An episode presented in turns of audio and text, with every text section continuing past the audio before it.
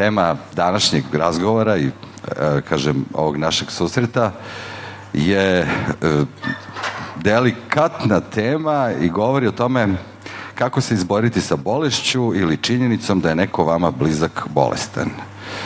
Na početku bih se zahvalio ljudima iz Dorčel placa i Hemofram fondacije što su nam omogućili da se ovde okupimo i da provedemo jedno veče, nadam se, poučno i prijatno koliko može da bude prijatan razgovor o ovim vrlo ozbiljnim temama. E, naši gosti e, danas, a i domaćini, mislim, u neku ruku, bit će ajde da ne krenem odmah od ovih, od familije, što bi se reklo. E, moja draga koleginica sa kojom sam eto, imao čast i sreću da studiram, Tamara Klikovac, psiholog, docent i psihoterapeut. E, ona je e, psiholog koji se već duži niz godina bavi jednom specifičnom oblašću, a to je onkopsihologija. Zatim, Dobrivoje Stepanović, čovjek koji e, je nekako dospeo u žižu javnosti sa svojom pričom i svojom borbom sa bolešću. I na kraju e, Gorica Nešović, moja koleginica, novinarka, koja je e, takođe nedavno e, došla u situaciju da se suoči sa diagnozom i bolešću. E, sad tu smo nekako bili, i ja sam bio nekakav svedok celog tog procesa i još nam je to sve onako sveže i friško i dešava se da e, ljudi iz Hemofarm fondacije kada su pravili ovaj spisak tema iz srede u sredu nekako sve se lakše i češće pronalazimo u svim ovim problemima. Nadam se da ćete i vi moći da se prepoznate i da možda podelite svoje iskustva sa nama tokom ovog predavanja. Na samom početku, uh, ovo je tema koja je vezana za mnogo stvari i mnogo problema, ne samo medicinskih. Postoji kod nas uh, neka izreka ili strah kad kažu nemoj da ideš kod doktora, ko zna šta će ti pronađe. E onda kad jednog dana doktor nešto pronađe, dobijete diagnozu, i onda počinje jedan proces koji je vrlo komplikovan i u psihološkom smislu, a boga mi i u svim drugim aspektima, ekonomskom, socijalnom, kako da prihvatite tu diagnozu, da li je ta diagnoza presuda ili samo e, jedno stanje stvari na koje treba da se prilagodite, kako teku te promene, da li je moguće iz te bolesti izaći bolji, jači, ili je to nešto što potpuno crpi našu energiju i e, sve naše resurse. E, na samom početku dao bih reč i zamolio Tamaru da nam kaže e, kako je i zbog čega važan upravo taj trenutak suočavanja sa bolešću i, e, ili bolešću nekog iz našeg okruženja, nekog nama bliskog, Svi smo imali to iskustvo, ali e, ti kao psiholog svakodnevno dolaziš u dodir sa svakim novim pacijentom koji dolazi na onkologiju i pretpostavljam da imaš nekakav uvodni razgovor sa svakim od njih i čuješ e, različite priče, ali šta je ono što je zajedničko u svim tim situacijama?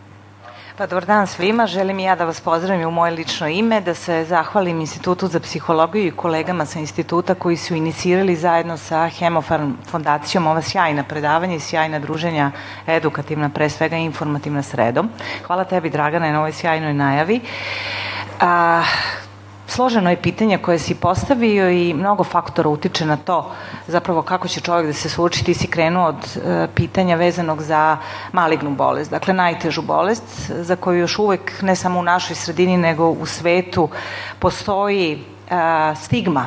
Ja, kada, kada pomenete i, i kažete reč maligna bolest, rak, to je nekako za većinu ljudi jednako strašna patnja, bolovi i umiranje a zapravo nije tako. Neki savremeni protokoli onkološkog lečenja pokazuju da ljudi mogu i godinama, pa nekad čak i decenijima da žive sa bolešću. Naravno, od mnogo faktora zavisi kada su otkrili, kako je tekao proces lečenja i ono što se sve više i u naučnim i u manje naučnim akademskim krugovima pominje kako su se psihološki nosili sa bolešću, kako su se menjali kroz bolest, kako su rasli kroz bolest, jel? jer negde saznanje da se boluje od bilo koje hronične bolesti, naravno od najtežih bolesti posebno je stanje koje negde, saznanje da se boluje uzrokuje stanje šoka. Jer čovek nikada ne očekuje i nikada ne planira bolest, naravno. I suočavanje sa tim da da ima određenu dijagnozu predstavlja zaista jednu vrlo tešku životnu situaciju Dakle, prvo stanje šoka, naravno i stresa, a onda jednu ozbiljnu životnu krizu. Individualnu životnu krizu, ali i porodičnu životnu krizu, krizu porodičnog životnog ciklusa. Sad nekada ta stanja mogu da prerastu ako se naravno osoba ne suoči na adekvatan način, ne dobije adekvatnu psihosocijalnu pomoć i podršku, ne dobije podršku porodici ili po, podršku u zajednici ili podršku u instituciji u kojoj treba da se započne proces bilo kakvog lečenja, ne govorim samo o onkologiji, jel? prosto ovaj, e, e, nekada takva stanja mogu da uvedu osobu i ozbiljne traume. Posebno ako je lečenje invazivno, ako su uh, hiruške procedure invazivne, ako se uh, um, gube delovi tela zbog amputacija, ukoliko uh, osoba mora drastično da promeni svoj životni stil, svoje navike, svoje dotadašnje funkcionisanje, dakle to može da bude vrlo onako vrlo uh, ugrožavajuće za dalje funkcionisanje i pojedinca i porodice. Sa kakvim osjećanjem ljudi dolaze na taj prvi razgovor kod tebe? E, dominantno osjećanje, osjećanje straha, užasnog straha i kad pokušamo da definišemo a, šta je u tom strahu racionalno, šta je iracionalno, teško je napraviti granicu. Ali je prvo i osnovno osjećanje strah koje može da vodi i u jednu ozbiljnu anksioznost, koje negde uh, uh, smatra se da je normalna, očekivana, uobičajena reakcija kad se čovek suočava sa nečim što ne zna. Jer prosto ne zna uh, u kom pravcu će bolest ići, ne zna kakvi će ishodi biti, kako će lečenje biti, kakvi će nus efekti lečenja biti, preplavljeni su prosto um, negde tim osjećanjem užasa i uvek u svemu tome ima i onog iracionalnog, pa meni ovo nije smelo da se desi, jer ja ovo nisam očekivao i tako dalje. Međutim, individualne su reakcije, ljudi se mnogo razlikuju uh, po tome kako, kako se suočavaju, kako prihvataju uh, prosto bolesti i dalje lečenje, ali uh, u tim prvim fazama, prvim danima, nedeljama, jel, koliko se i pretpostavlja da, da traje to prvo stanje šoka, jer ljudi su preplavljeni strahovima različitim i naravno uznemirenošću e, šta će biti sa članovima porodice, ja, koliko ću ja moći da izguram, jer osnovno pitanje ako je najteža bolest u pitanju ili ako je prosto negde ovaj bolest došla iznenada, možda ni inzult ili infarkt ili šta god, pa ide proces rehabilitacije i oporavka, to onda takođe kod ljudi uzrokuje užasnu anksioznost, ja, pa ako se to desilo iznenada i ako sam ja pre toga vodio zdrav životni stil, šta ako mi se ponovo dogodi? I onda se gomilaju različiti strahovi, jel, od normalnog uobičajenog funkcionisanja i svega ovoga što sam vam ukratko rekla, jasno je koliko je e, psihološka i ne samo psihološka, nego ja bih rekla i dugotrajnija, ozbiljnija psihoterapijska pomoć i podrška ljudima neophodna da prevladaju te prve faze suočavanja sa bolešću. E, mislim da bi bilo dobro da sad, pošto smo krenuli sa strahom, jer je to prvi osjećaj koji preplavljuje uh, čoveka kada dođe do dijagnoze njemu ili njemu bliskoj osobi.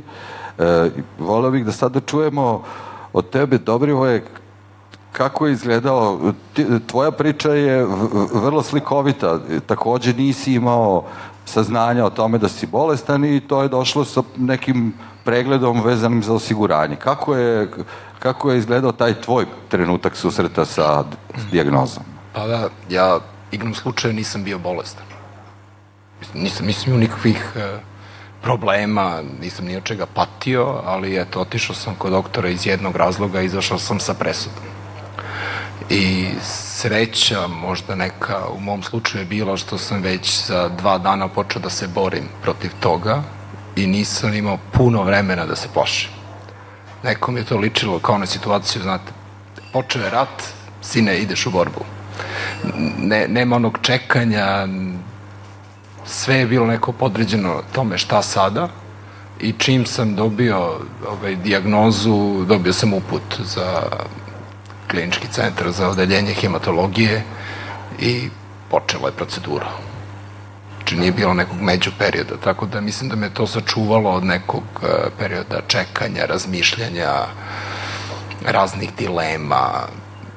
Nisam čak puno gledao ni po internetu. Stigao sam do trećeg web sajta na kome sam za moju šifru našao da je procenat preživljavanja 25% i nisam više hteo da gledam. I to je dalje sve bilo borba sa, to jest borba, hem, hemioterapije, posle transplantacije, ali to je već to je već jedna borba, onda ste vi kao na poslu, radite nešto, borite se za sebe, za svoju porodicu, za, za, za to neko preživljavanje, da upadnete od tih 25%. Uh, veću traumu, uh, najveću traumu sam doživio gledajući ljude oko sebe. A ja sam mislio da sam ja mlad i da tako nešto ne bi trebalo da se dešava ljudima u mojem do, mojoj dobi, ali kad onda vidite dvostruko mlađe od vas ili jedva punoletne sa sličnim problemima i to one koji ne mogu da se izbore, a toga za 7-8 meseci u, u, u bolnici vidite svašta, onda možete sebi kažete ja sam ipak jedan srećan čovek, naročito kad sve to plaćate. Ali e, strah je stvarno, mislim, relevantna stvar i ja sam pričao i sa svojim doktorima koliko možda u našem zdravstvenom sistemu e, nedostaje jedna psihološka podrška za bolesnike, jer vi tamo imate, ja sam imao sreću i dobre doktore i sve to njima sam neizmjerno zahvalan, ali nema, nema druge podrške, znači nema psihološke podrške, nema nekoga ko će možda da prepozna da li, da li bi nekom možda takva podrška bila potreba, potrebna da bi se izborio sa samom bolešću. Ja sam čitao kao blesav, mislim, koristim primjer, ali zato što čitanje ima smisla, zato što čitanjem se obogaćujete da biste u budućnosti toliko nekako koristili. Znači, imate viziju budućnosti.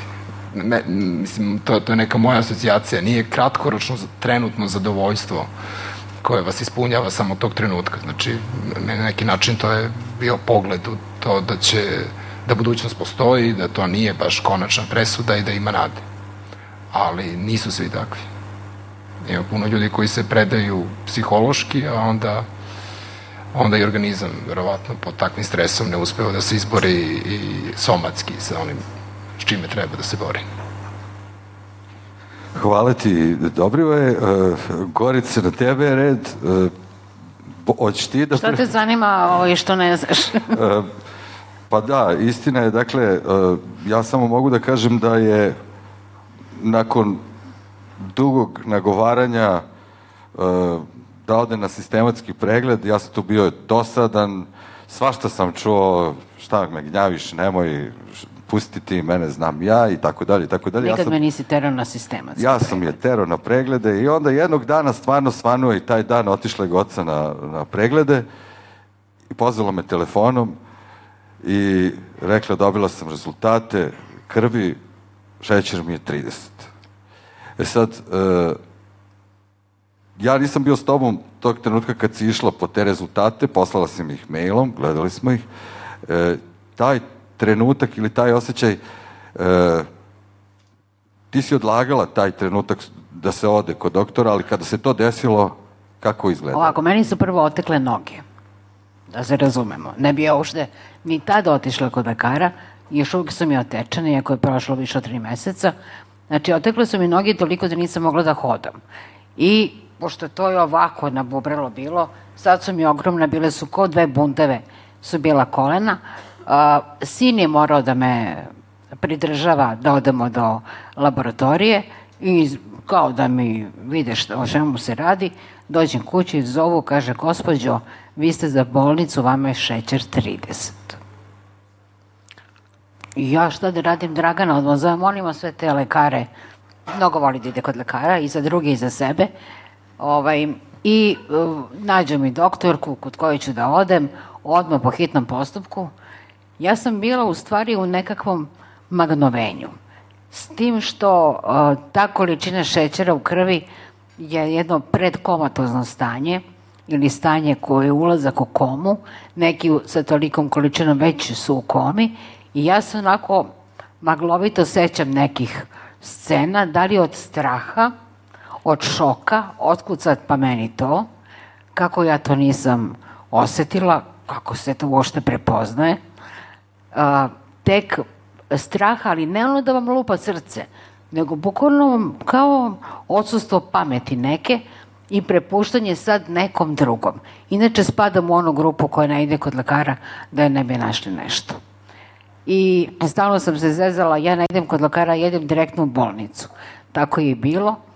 I doktorka me sačekala i pitala, je li možete u stepenice? Sam rekla, ne mogu. On, na susreću te u kliničkom centru ima lifta, pa smo liftom otišli. Strpali su me, ako tako mogu da kažem, u sobu. Bila sam u bolnici 12 dana, potpuno prepuštena. E sad, to bi za Tamaru možda bilo zanimljivo. Znači, ja iz tog jednog straha da će nešto da mi pronađu, ne samo sad, nego inače tako funkcionišem, ne idem kod lekara. Ali kad se desi pa dođem u bolnicu, ja sam najveća štreberka na svetu. Moja doktorka je bila zapravo, ja sam u njoj videla moje ozdravljenje. I kada mi je rekla da mi je šećer toliki, da moram insulin i da ta sad to podrazumeva gomilo neke stvari, ja sam rekla, važi, važi, nikakav problem nije. Zato što sam znala da napokon ću da se posle nekog vremena osjećam dobro. I ja sam, kad sam bila u bolnici, prvog dana samo i sebi rekla, hej, pa ti si na najbolje moguće mesto na svetu za tebe. Ovde će svi da ti pomognu. 24 sata su svi tu na raspolaganju ako mi nešto treba, a s druge strane svi lekari su tu. Prema tome, bolje mesto za mene ne postoji.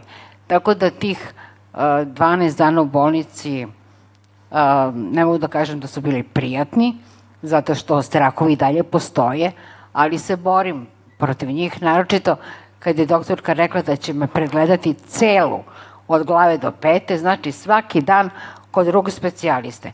Kad sam otišla na onaj gama, kako se zove sad najnovije, ja sam se ovako tresla, morali su da mi daju za smirenje nešto, jer sam se bojila, joj, tu se sve vidi.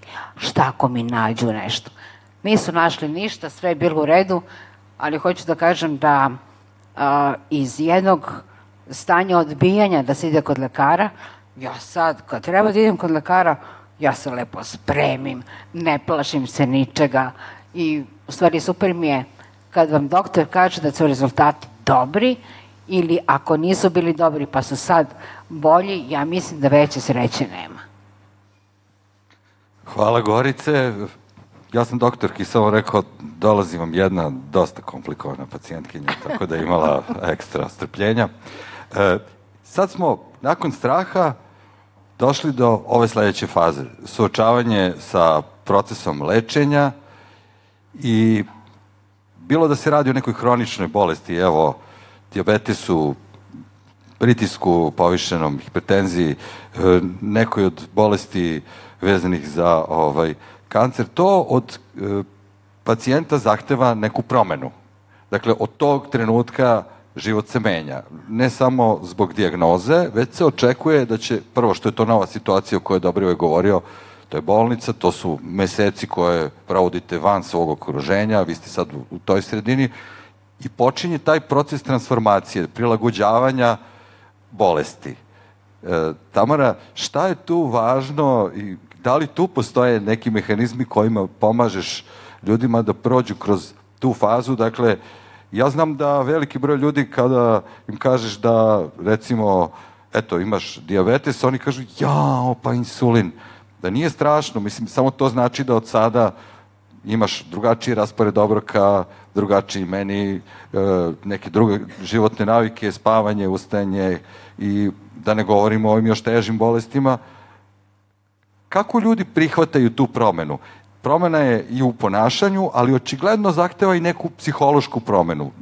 E, to nas onda menja bolest, ali mi sad, sad me zanima da li ta promena može da bude e, i kvalitativno e, bolja ličnost koja jača ili promenjena u smislu da prihvata to i da počinje na jedan način da razmišlja o sebi, svom životu, svojoj prošlosti, o budućnosti, ome što je go rekao, dobro je mnogo, evo, pitanja, izvini, nisam želeo da te zatrpam pitanjima, ali sad smo stigli, dakle, o, nakon dijagnoze početka lečenja.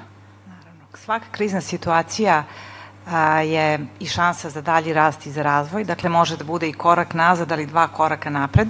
Osvrnut ću se na ovu Goricinu ličnu priču. U tvom slučaju, usled tvojih odbrana da odeš kod lekara i da ne odeš da ti po znacima navoda nešto ne nađu, Dragan je bio tvoj glas razuma, definitivno, ali odlično si opisala kako si se promenila zapravo, kako si počela da se menjaš i kako si promenila odnos uopšte prema lekarima, preventivnim pregledima, odlascima i tako dalje, što je sjajno. Dakle, nakon početne faze šoka sledi i onih raznih pitanja zašto ja, zašto meni, analiza, razmišljanja, jer neko ima vremena da razmišlja, neko nema, neko je takva ličnost po svojoj strukturi, pa prosto ima potrebu da sve izanalizira i da sve faktore uzme u obzir, da sve preispita, jel? posebno kada su teže i e, bolesti koje su progresivnije i koje su zahtevnije u svakom smislu, jel? u smislu prilagođavanja i promena, jel? Nakon toga sledi jedna faza suočavanja. E, ja volim da kažem da je to faza u kojoj ljudi postaju zapravo svesni koliko je zdravlje najveća vrednost zapravo koju imamo u životu vrlo često jurimo za nekim možda materijalnim i drugim stvarima, jel? a nismo svesni u stvari da samim tim što ustanemo ujutru i sva čula funkcionišu, krećemo se, idemo, sve nekako u našem organizmu kako treba, za, zapravo imamo jednu veliku blagodat. Jer i te kad se to izgubi ili kada se to naruši, ljudi nikad nisu svesni nego u tim trenucima zapravo koliko je zdravlje to neko skladno, eh, psihosomatsko, kako mi to volimo da kažemo, psihofunkcionalno funkcionisanje neophodno prosto i preduslov za sve dalje. Jel? Shvate koliko su zapravo nesrećni, jel? tek onda kada se razbole. U stvari, koliko su bili srećni sa svim onim svojim što su imali pre bolesti. Jer to je sad već jedna duboka životna filozofija i sistem vrednosti koji se sa bolešću menja. Naravno, moguće da čovek e, raste, izraste, preraste bolest, ali je potrebna pomoć i podrška, je potrebno i dosta informisanja i potreban je adekvatan, pouzdan e, tim lekara ili lekar koji će biti u tom trenutku jako važan oslonac, ja, koji će na adekvatan način iskomunicirati sa pacijentom sve važne i relevantne informacije, a dobri lekari znaju šta će u kom trenutku jel, da kažu, šta će možda u nekom trenutku a, a, i da prećute. Jel? Ne može pacijent u prvih nekoliko dana ili nedelje ili meseci da prihvati zapravo sve. A, a, a, takođe, u, u našem zdravstvenom sistemu je tako da a, su pacijenti na odeljenjima prosto neselektivno pomešani, da imate različite uzraste i različite dijagnoze i a, nekada, ovaj, kao što ste i vi pomenuli, a, da čovek kada se nađe u bolnici se još više dodatno traumatizuje pričama i situacijama drugih. Ja, Meni se često u praksi dešavalo da adolescenti hospitalizovani, da sad ne imenujem kliniku, sa starijim pacijentima ili pacijentima srednje dobi, kada se prebace na onkologiju, kada se dijagnoza potvrdi, budu jako traumatizovani svim onim što su videli, a prisustovali su, boga mi, kao da su na bojnom polju umiranjima, vrlo dramatičnim i traumatičnim umiranjima ljudi tokom noći, tokom danja i tako dalje. Za jednog adolescenta priznaćete, to je snažno traumatsko iskustvo i onda morate da radite na dvostrukoj traumatizaciji. Jedno je trauma bolesti lične, procedure i procesa lečenja koji sledi, a druga je trauma sve ono što su doživjeli, videli, imaju flashbackove, ne mogu da spavaju i tako dalje. Tako da ovaj, složena je faza suočavanja i e, mislim da uz adekvatnu pomoć i podršku e, raznih resursa, jel, i zdravstvenog sistema, i lekara, i medicinskog osoblja, i naravno edukovanih psihologa, psihoterapeuta, i porodice, i zajednice u celini, i e, udruženja pacijenata, ja moram da pomenem poslednjih nekoliko godina je prava eksplozija različitih udruženja pacijenata, malo ćete izgooglati pa ćete videti. Ne znam koliko, preko 50 udruženja pa, onkoloških pacijenata samo ima, pa od psorijaze, pa ne znam, od plućne hipertenzije i tako dalje. Dakle, e, to nam samo govori o tome koliko su potrebe pacijenata različitih u, u, u ovom našem društvu prosto nekako bile zanemarene i o tome se nije govorilo, jer je dugo u našem zdravstvenom sistemu bio dominantan taj kruti, malo rigidni medicinski model. Ti to vrlo dobro znaš šta znači, jel? Lekar, bog, diagnoza, lečenje, e, moram da te informišem, ne moram, nemaš baš neka određena prava, međutim vremenom se sve to menja i pacijenti ovaj, bivaju svesni da imaju određena svoja prava i doneti su neki važni pravilnici, što je jako važno da budu adekvatno informisani i potpisuju neki informativni pristanak na razne terapije i lečenja kroz koje će proći, što je neophodno, jer moraju da naprave odluku i izbor. Jel, da li ulazim u nešto ili ne ulazim ili sa kojim rizikom ulazim i šta, prosto čovek mora da bude savremen čovek informisan o tome šta ga čeka i kako dugoročno i tako dalje.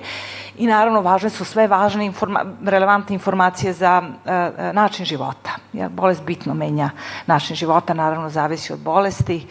A, a, menja, kao što si pomenuo, i naravno način ishrane, fizičku aktivnost, poslovnu aktivnost, porodičnu aktivnost i tako dalje. I to sve nekako je bitno uskladiti na jedan dobar, kvalitetan način.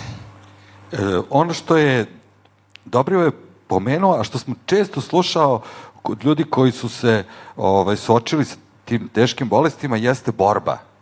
E, obično se govori u, umesto lečenja, kažem, ja sam, ja sam se izborio sa tom bolešću i, i e, borba. Sad tu se ne podrazumeva neka agresija, ali ako je to neki rat sa bolešću, sa nekakvom, nije ni zamišljenim protivnikom, on je tu, on je vrlo realan, opet nalazi se u nama, uh, svi ovi aspekti kojima si govorila su naši saveznici u toj, u toj borbi. E, da li ljudima najčešće, e, da li ljudima lakše da, da se prema bolesti odnose kao nekom neprijatelju protiv koga se bore? Vrlo često smo čuli taj izraz. Da. Pre je to unutrašnja, e, duboka intrapsihička borba sa nekim svojim raznim strahovima, raznim predrasudama, e, možda čak i nekim dubokim osjećanjima krivice. Često ćete čuti u psihoterapiji od pacijenata ja sam kriv za moju bolest zbog, ne znam, nekih životnih stilova koje sam vodio pre ili prosto zbog nekog mog načina hipersenzibilnog ili osetljivog doživljavanja različitih stvari. I a, onda je zapravo borba sa bolešću, borba sa sobom, borba sa svojim nekim dubokim unutrašnjim procesima jel, i odlukama i e, to negde vodi promeni, a negde u nekom trenutku se kroz taj proces ja, osvesti to da jeste zaista ovaj, bolest e, nešto što e, valja da se prevlada i valja da se pobedi, ali kroz tu pobedu osoba pobeđuje i sebe i menja se, kvalitativno se menja. Naravno, ako je pomoć adekvatna, menja se na bolje, jel? nikako na gore. Jel? Nažalost, ima i primjera ljudi koji odu u duboku depresiju jel? ili budu, imaju onako postraumatski stresni poreme poremećaj, pa je potrebna, potrebna i psihijatrijska terapija uz, jel, sve zavisi od prethodnog životnog iskustva, tipa ličnosti, načina prevladavanja, nekog lokusa kontrole, načina života do tada, životnog iskustva u krajnjem slučaju, jel, da li ste imali negde to u, u iskustvu ili ne, ali a, a, kao i svaka životna kriza i bolest je kriza i negde jeste borba i od pacijenata ćete to čuti ovaj, da jeste zaista to bio neprijatelj negde, jel, da je lakše da se to nekako ovaj, eksternalizuje, spolje, tako je, da, da bude negde, tako je, da se eksternalizuje i da to bude negde nešto što će biti izazov i postica i da se prosto prevladava, da se živi bolje i kvalitetnije, ali negde u, na nivou sobstvenih misli i osjećanja, kvalitetnije osjećanja, bolje osjećanja, bolje misli, se razreše neki pređašnji konflikti koji su bili duboko unutar ličnosti, koji su godinama pre bolesti prosto na različite načine destabilizovali ličnost, a kad destabilizujete ličnost, destabilizujete naravno i razne somatske funkcionalne procese u organizmu i to je nekako uvek u toj jednoj finoj ravnoteži, jel? Neravnoteži. E, dobro je, gde je bio taj tvoj protivnik u toj borbi? E, da li si ga osjećao negde nasuprot sebe ili, ili u sebi? Pa, konkretno kod moje bolesti ne, nije, nije postojao ni jedan vidljivi znak bolesti. Nisam ja polomio nogu ili povredio nešto i, ili nisam mogao da hodam, kao što je Korica pomenula. Naprotiv, bio sam, odlično sam se osjećao. Ovaj, pre toga, tako da verovatno ta reč onda borba je označava tog zamišlja, borbu s nekim zamišljenim protivnikom koji je negde u nama, ja nisam uspio da nađem ni tokom lečenja, ni posle tražeći, ja rekao sam da nisam baš puno ni tražio e, pravi neki opis odakle ta bolest dolazi, a lekari su mi rekli ko bude to uradio i našao dobit će Nobelovu nagradu, znači još uvek nije poznato ni nauci kako nastaje, srećom poznato im je kako se leči. to jest, barem postoje neki načini da se leči. I onda kad ta, umesto borbe možda i mogu reći da je to bio meč, mada dosta dugo trajao ovaj, i nema baš neka striktna pravila. Ali je, jeste lakše kad zamislite da imate nešto pa se s tim borite jer ne možete da ga vizualizujete na neki drugi način. I za mene je to bilo faktički trajanje, dobio sam neke informacije kao što je pomenuto, pacijent ne, dobije vrlo ograničene informacije, barem tako je bilo na, u mom slučaju. A, glavni e, glavno imate jednu osobu za komunikaciju, u slučaju bila moja supruga, koju su lekari sve govorili, koja je mogla sve da sazna, a ja kao pacijent sam dobio nešto na kašičicu, znao sam kako se osjećam, a sve ostalo koliko saznam sa strane, koliko čujem na goveste i slično. Tako da tu postoji možda možda je to dobro, u stvari, ne znam, kad sam kasnije razmišljao, možda i dobro da ne znate sve. Bilo je situacija kada su moje žene, na primjer, pomenuli da sam možda blizu druge strane, a da ja toga nisam bio svestan. Ko zna kako bi bilo da sam znao. Tako da verovatno lekari znaju bolje od nas, e, možda nekada, možda nekada to ima smisla, pa na zato možda i ne maltretiraju svime, mada ipak mislim da je uvek dobro da pacijent ima, e, zna šta ga čeka. Otprilike, barem u najboljim slučaju. Da li si ti kao Gorica imao taj odlučio da veruješ lekarima da nemaš nekakvu da. ono zadršku u odnosu na njihove, njihove savete, mišljenje, da li si možda da, razmišljao, da, i... da li je ovde to, to, prosto i to je jedna stvar Jeste. koja se dešava. Ja sam sad, vjerojatno imao potpuno drugačije iskustvo i pristup od Gorice, ja sam bio 15 dana pre nego što sam dobio diagnozu, ja sam bio na sistematskom pregledu na kojem mi je rečeno da je sve u redu. E, išao sam redovno, nisam imao neki strah od lekara. Eto, vidiš. Tako da nisam imao taj, nisam imao tu zadršku a lekarima, oni lekari koji su me primili na odeljenje su bili zaista divni ljudi a, i već kao ljudi su me kupili i nisam imao nikakvu zadršku da im, da im verujem. Stvarno. I oni su bili jedini kome sam mogao da verujem. Kako Gorica pomenula kao najgori, najveći štreber, ovaj, to vam je slamka. U stvari nisam hteo da razmišljam o nekim drugim alternativama, jer u slučajima, ne znam, napište kancera ima bombarduju vas raznim, raznim ovaj, rešenjima koje nisu klasična medicina, nego neka druga i još kad vidite da jedno i drugo ne radi ponekad, onda ne znate šta da radite. Možda je to bio, možda pomenite suočavanje, možda je deo suočavanja bila odluka kako se lečiti. Jer bilo je puno dobronamernih i mojih prijatelja i najbližih koji su me savetovali onako kako bi verovatno ne bilo dobro, ali iz svog nekog iskustva poznavanja idite tamo kod nekoga. Kod Ane Travarke, tako, da ja volim. Primer, neko Dane Ruskinje, da to gledam. Koji bre insulin e, ima da odraži? Tako je, a vi ste u situaciji u kojoj ne znate ništa o samoj bolesti, znate da i doktori ne leče sve i oni nemaju neke prognoze. Niko vam neće nikad obećati. Evo, meni sada posle tri i po godine neće reći niko, ti si zdrav. To, to lekari poslednji će verovatno priznati u takvom slučaju. Znači, samo možda stepen rizika se smanjuje, a možemo o tome da pričamo. A, tako da to suočavanje, kako ćete se lečiti kad odlučite ja ću to da uradim, ja ću lekarima da verujem, ponavljam, tako ću postupati i nadamo se najboljem. E, mislim da sad pređete onu naj, najveću ovaj, prepreku i predate se, to jest posvetite se potpuno tome. E, očigledno bolest postaje deo našeg identiteta i nije čudo što za nekog kažemo ovaj, to je, ne znam, goca, ona je šećeraš, ili neko kaže, a on je čiraš, ili ne znam, za nekog on je čovjek, slatkica, ona govore slatkica, tako je. O, znači, to je jedna nova situacija u kojoj ti prihvataš bolest kao deo tvog, e, ne znam, identiteta. E, to znači da sad imaš, evo, ne, upravo smo razgovarali o tome, kažem, sve mogu, ali ne mogu da, što pravim lepe džemove, ne mogu da jedem džem. Eto, to mi je sad kao, a taman si usavršila i moram da priznam da je, su gocini džemovi najbolji, tako da mogu da se javim da ja jedem te džemove koje ona pravi, jer ona više voli da pravi nego da jede. Uh, ja sam primetio, evo sad, evo, govorimo otvoreno, posle nekoliko nedelja, a mi smo sad već to je postao i, i socijalna stvar. Mi smo u, u tome da u toku programa God se izmeri šećer, da sebi insulin i tako dalje. Bilo bi vrlo zanimljivo da imamo kamere u studiju, to, je, to bi sad bio ozbiljan reality. A ponekad čak i pričam u mikrofon, a u isto vreme... Evo, ovde neće da mi se, evo, vidiš, iglica mi se iskrivila. Tako da, ti si odlučila da o tome govoriš i to nije, ni- nisi, bar sam primetio, nisi imala potrebu da to nekako kriješ ili da kažeš sad će to da bude neka moja mala sramota ili tajna koju ću ja da rešam kod kuće i sama sa sobom, to je sada tvoja, to je deo tvog Ne, života. to nije sramota, to je neodgovornost. Da. neodlaženje kod e, lekara na sistematski pregled jednom u pet godina. Pa da sam jednom u pet godina otišla, ja bi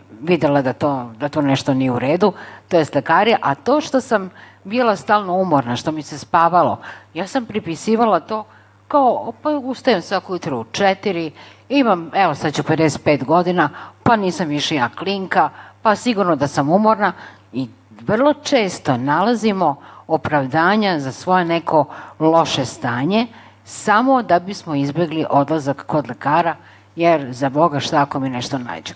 Što se tiče moje bolesti, ona nije izlečiva u mom slučaju. Ja sam ga zabrazdila. Doktorka rekla imate zapušteni dijabetes, ja sam rekla molim vas nemojte, to ćemo zvati negovani dijabetes. I um, znači ja ću primati insulin do kraja života, mislim. Ako se neko čudo ne desi u medicini, u nauci među vremenu. Ja sam to shvatila kao tetovažu.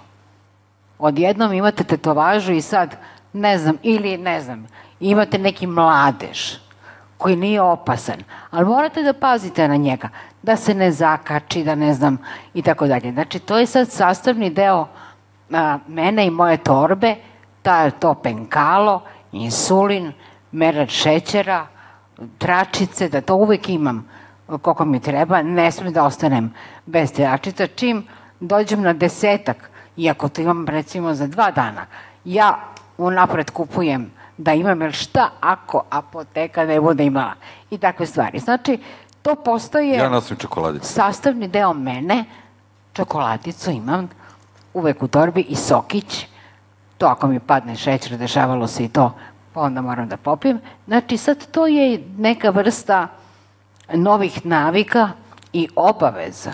Znači obaveza koja prerasta u naviku, a navika će prerasti u rutinu i to je prosto tako. Ja sa svojom bolešću a, ne mogu da se borim da je izlečim, ali mogu da se borim kako bih rekla, možda i sa samom sobom.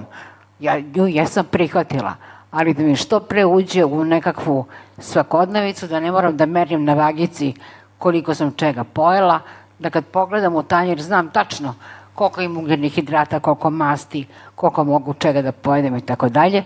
E, to treba neko vreme, ali to će da prođe. I to kad prođe, ja mislim da apsolutno te neke nove navike, po ostalom, ako hoćete da smršate, pa imate nove navike u životu. Ako e, se udate, odete u selo, tamo se jede drugačija hrana, pa se naviknete i na to. Prosto e, menjamo navike tokom života, tako da ja ne shvatam ovo kao sad wow, nešto sad strašno. Ima samo ovaj, jedna stvar, ovaj, a to je da ono što niste jeli, kad dođete u situaciju da ne smete da jedete, e, to vam se prijede. Mala sličica. Posle mesec dana ulazim ja u samoposlugu, inače čokolade ne jedem, slatko jako redko. I tu uglavnom one dečje kolače koji su malo slatki. Ali dobro, ulazim u samoposlugu, ono milke, praline, neka čudesa, ja stanem i patetično samoj sebi. E, ja ovo nikad više neću moći da jedem. Gomilo toga nikada nisam ni probala. Znači, ali to je ta nekakva žal nad samim sobom, da kao eto sad ja to ne mogu. Naravno, to je prošlo, to je trajalo u prvom mesecu i to je prošlo, tako da ovaj, moja bolest je postala sastavni deo mene, ja je ne zovem bolešću, nego zovem prosto, eto, kako bih rekla, mladežom, tetovažom, nazovite kako god hoćete. Uh, I samo mi kaži za uh, doktora Google-a, da li si uh, tražila lekar na internetu i... Nine. Ne. Ljudi, a, ja bih svakom preporučila da a, ako prelistava neke bolesti i njihove, njihova značenja i lečenja na internetu, da to ne uzima zdravo za gotovo, nego samo da preleti zbog radoznalosti i idemo dalje. Evo najbanalnija stvar. Ja sam ukucala nekoliko namirnica za koje nisam bila sigurna da li smijem da ih jedem. Tipa sočivo, proso, leblebije, pasulj. Dakle, dva sajta nisu ista. Na jednom piše recimo da možete jedete pasulja, dva tanjira pasulja. Altetovac. Gradištanac. A na drugom piše ne nikako. Znači, pirinač kaže može. Belo brašno može tri kašike. U šta tri kašike? Prema tome, zatvorila sam, ne gledam više u to uopšte. Pitala sam doktorku šta smem, zapišem, ako hoću mogu da je pozovem da pošaljem poruku da mi kaže da li nešto smem ili ne smem, ali to lečenje i diagnosticiranje preko interneta zaista samo može da vas dovede u zabludu, da vas zaplaši, zbuni, da napravi haos u glavi. Dobro je sad e, u svom govoru, e, odmah ću ti dati reč, promenuo jednu reč, u mojoj porodici sada po, traje borba protiv kancera i svi smo tu opet, ovaj, završena operacija, hemioterapija je u toku i ja sam e, prošao kroz, e, zajedno sad prolazimo kroz, kroz faze e, ovog lečenja, jedna od stvari koja je donela mir ili, ne, ili smanjila strah na početku, a to je reč koju si ti upotrebio, onog momenta kada je utvrđeno o čemu se radi, izvršena operacija i treba da krene hemioterapija, nama je objašnjeno da postoji protokol, da postoji zvaničan način lečenja koji je propisan, koji je manje više isti svuda u svetu, sad su negde uslovi bolji, negde malo gori, ali način na koji se neka bolest leči, recimo na onkologiji u Srbiji, u 90% slučajeva se poklapa sa lečenjem u nekim bolnicama ili bolnicama u inostranstvu. To je izbrisalo sve ove Google pretrage, to je nekako ulilo e, mir i, i smanjilo strah, jer onda kao reč protokol ti govori o tome da ljudi znaju šta rade i da ti ideš nekim putem kojim su pre tebe već ovaj, išli neki ljudi, da postoji neki način lečenja koji je isproban, koji funkcioniše i koji radi. E, tako da ti si se prepustio i dao svoje poverenje doktorima i na taj način mi se čini da, da, da je i kod tebe, da si ušao, u, to je kao da ulaziš u neku stazu u kojoj ima neki svoj pravac, je to pomoglo u borbi sa bolešću? E, Da, s tim što nije to bila neinformisana odluka, moram da priznam. Znači nisam koristio Google-a, ali jesmo došli do čoveka koji je načelnik neke hematološke klinike u Nemačkoj i kada smo uporedili šta se kod njih radi, šta se kod nas radi i zaključili čak da je doktorka koja mene leči njegova školska drugarica, pa su i oni popričali, zaključili su da se radi po istom protokolu. Tako da je to isto donelo određeno određeno smirenje i uverenje da je to što se, kako se leči ovde, sa svim ok, pošto mnogi će vas isto savjetovati, idi u inostranstvo, idi kod ovog, kod onog doktora, tamo je, će ti izlečiti, ovi naši nemaju pojma, ili, da, slično sumnje, jer onda vi ne znate šta je najbolje za vas. Hoćete i vi i svi vaši žele da učine ono što je najbolje za vas. Sad krećete se lečite, sad je šansa. Nema, možda nema druge šanse. I, i izbor toga kako ćete se lečiti, kada nemate izbora, onda je, kažem, lako, ako postoji samo jedan, u mom slučaju su se ljudi nudili da finansijski pomognu i da se snađu, znači recimo da sam imao mogućnosti da odem negde u inostranstvo, da sam zaista to želeo, ali sam shvatio da je to isto. I onda sam se prepustio da se lečim ovde, prvo na kliničkom centru, onda na VMA gde se rade transplantacije i to je ispalo dobro. Ali to sam pomenuti, e, se vratim na suočavanje. E, Ja sam iskusio nekoliko nivoa suočavanja sa bolešću. A, jedan, prvi je to kada mi je saopštena dijagnoza. To smo bili ja i moja supruga i lekar i to je jedan trenutak, ali nekako svo troje nas smo odrasli, razumni, nekako shvatite šta je, kako je. Mnogo teže mi je palo suočavanje, e, to jest prenošenje toga moje deci i roditeljima. Čak na nekoj vrlo, neko čini mi se da sam ja to lakše prihvatio nego što su oni naravno mogli da prihvate i razmišljao sam kako oni to mogu da shvate i, i bilo mi je žao što moraju oni sa time da se suoče. Znači jedno je da se suočao sam pacijent, ali u stvari suočava se celo okruženje. A još nije im bilo toliko teško i to sam uradio odmah, otišao sam u firmu, okupio sam kolege i njima sam rekao, znate šta, ja sutra neću doći na posao. Idem u bolnicu, počinjem da se lečem. Čega? Da se lečiš. Objasni mi, to mi nekako bilo u redu. To su, kažem, ljudi stari, razumni, ali deca i roditelji, mislim da je to mnogo teže. Upravo smo e, došli do tog, e, do tog detalja i do tog momenta. E, Tamara, kod nas je, čini mi se, kulturološki bolest tramota i dominantno je da se tako odnosimo prema bolesti i da ljudi nerado govore o svojim bolestima, smatraju to nečim što je ovaj, možda A s druge strane, nije to ni potpuno iracionalno. Postoji i stigma u društvu prema obolelima i e, nekako će svi da, ili ako ne želite da izazovete sažaljenje ili nekakav opet drugačiji odnos prema vama, nešto, odnos društva prema vama se menja u trenutku kada se pojavi bolest. E, kako izgleda tvoj rad sa pacijentima, odnosno da li možeš, ili, da, e, bi bila tvoja uloga u ovoj situaciji ili šta bi mogla da posavetuješ takvog pacijenta, kako, na koji način se to, o, se pripremaš porodicu, svoje najbliže, a ili šire okruženje za tu činjenicu da se tvoj život promenio i da se ti lečiš? Da.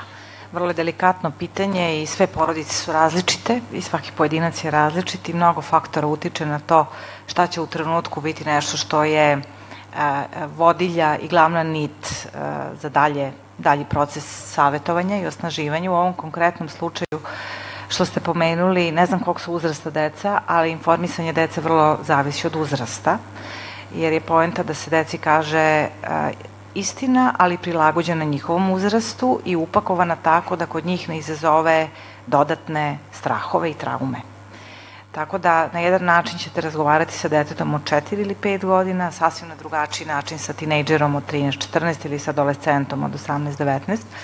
A vratit ću se na ovo što si rekao da je još uvek u našoj sredini sramota govoriti o bolesti. Jeste, to je tačno, ali se i to menja. Kada sam pre mnogo godina, ne smem da pomenem koliko, uh, počela da radim na onkologiji, zaista bila velika sramota da se kaže da se boluje od maligne bolesti. Sada vidite kada idu ove razne kampanje, kada se u javnosti pojavljuju pacijenti koji smelo i otvoreno govore pred širokim auditorijumom o svojoj bolesti, o lečenju, udružuju se u različite udruženje i asocijacije pacijenata, onda vidite da prosto to sve postaje nekako ovaj, javna, javna tema, ne tabu tema. Sećam se na onkologiji da kada su dolazile televizijske ekipe početkom 2000. godine, na onkologiju da su roditelji zatvarali vrata, sklanjali decu, stavljali one čašave na vrata, glavna sestra e, sklanjala kamermane i novinare da ne snimaju decu. A sada uh, vidite da su njihovi Facebook profili, Instagram profili preplavljeni njihovim fotografijama. Čak ono što je meni bilo signal da se zaista nešto u tom smislu menji, da su društvene mreže nešto učinile u tom pravcu, da se čak deca slikaju sa svojim protezama. Znate, usled raznih intervencija, radikalnih hiruških intervencija, ostaju bez ruku, bez nogu i tako dalje. I slikaju se potpuno smelo, a do pre deseta godina to je bila strašna sramota ja, i uglavnom su se povlačili, izolovali, a sad nekako hrabrije, podstaknuti ja, raznim primerima, drugim primerima i svetskim nekim primerima, prosto hrabro izlaze negde ovaj, u javnost. To, to uh, je dobro s jedne strane, naravno može da bude i mačta dve oštrice ako dobiju neke negativne komentare, pa se onda prosto negde ovaj identitet i slika o sebi dodatno uruši, ali o tom potom. Da se vratimo ponovo na informisanje porodice i dece, to je takođe vrlo delikatna, delikatna, ovaj, delikatna tema. E, moje iskustvo u, u, u radu je e, zaista različito. Neke porodice odluče da to bude porodična tajna i ne informišu uopšte de, decu i adolescente i e, obično se te porodične tajne vrate kao neki najgori bumerang u trenutku kada deca to saznaju. Ili to saznaju na neki potpuno neautentičan, neformalan način iz nekih desetih izvora, na vrlo nespretan način saopšteno i onda to izazove novu porodičnu krizu. Jel? Zašto su postojile tajne, zašto nismo iskomunicirali gde je bio problem. Mislim da je glavni problem u našoj sredini prezaštićivanje dece negde ovaj, ne, nekako ne moraju sada baš da se suoče sa tim, jel, onda deca e, e, popuste na nekim drugim poljima u školi ili budu agresivni ili osjećaju da se nešto u kući dešava, a nije im dovoljno dobro objašnjenju i eto problema. Dakle, osnovni savet jeste jel, ovaj, kako reći deci, ili, da, ili kada je roditelj bolestan ili kada su sama deca bolesna. Jel, to je isto sad drugi nivo negde priče. Ovaj, e, e, mi smo nekako ovaj, se najviše pod znacima navoda plašili roditelja koji, čije su deca bila bolesne i koji su govorili molim vas nemojte deci nikada kažete od čega boluju. Ali kako? Oni će svaki dan, naredni godinu dana ulaziti na institut gde piše institut za onkologiju. Imaju svoje telefone, imaju svoje laptopove, ukucaće onkologija i bit će im sve jasno biće sa drugarima, razgovaraće sa drugarima u sobi, starija deca posebno, jel, delići iskustva sa njima, oni će im preneti negde kad vi niste tu, jer nećete moći da napravite stakleno zvono.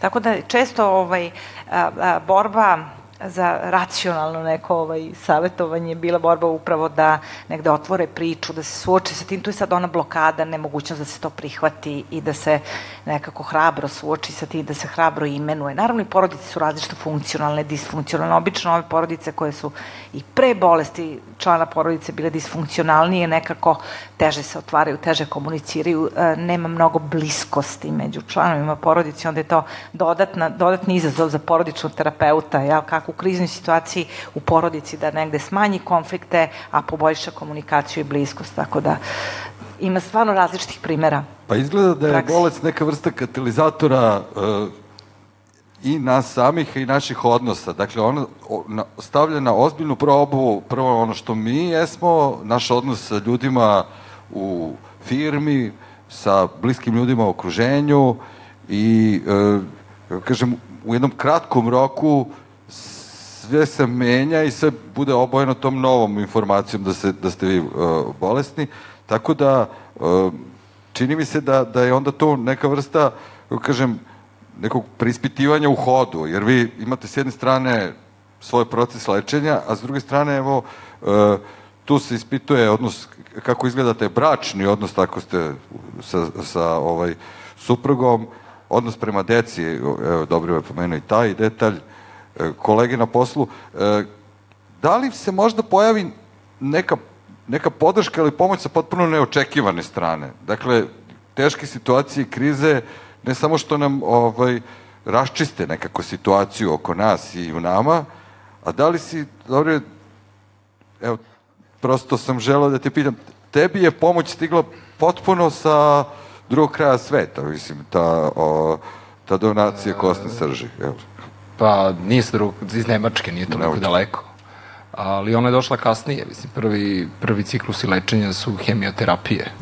A u mom slučaju je na osnovu parametara koji doktori ovaj, utvrđuju zaključeno da je veoma invazivan oblik, to znači da je verovatnoća da će se i pored toga što se uđe u remisiju nakon hemioterapija, da će se bolest eh, vrlo verovatno vratiti i to u kratkom vremenskom periodu i onda je u takvim slučajima preporučena transplantacija kao jedino možda srednjoročno, dugoročno rešenje.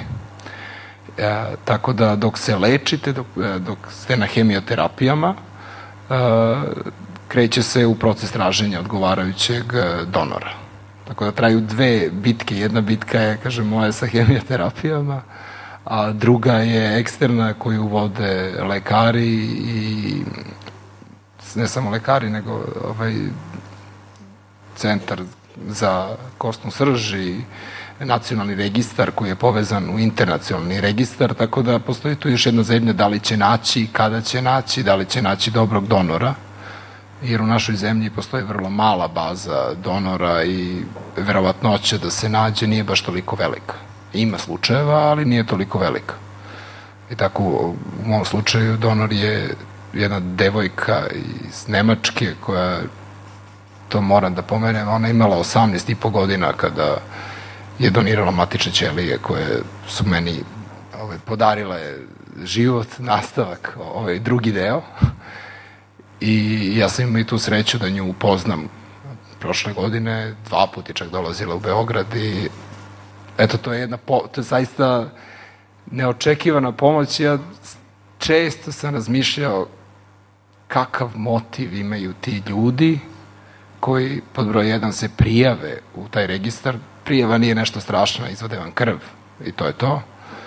Ali kada onda nekom pokuca na vrata, pozove telefonom i kaže, znate šta, vi, biste, vi biste nekom mogli da spasite život, evo, ovaj, da li biste sada donirali i oni pristanu.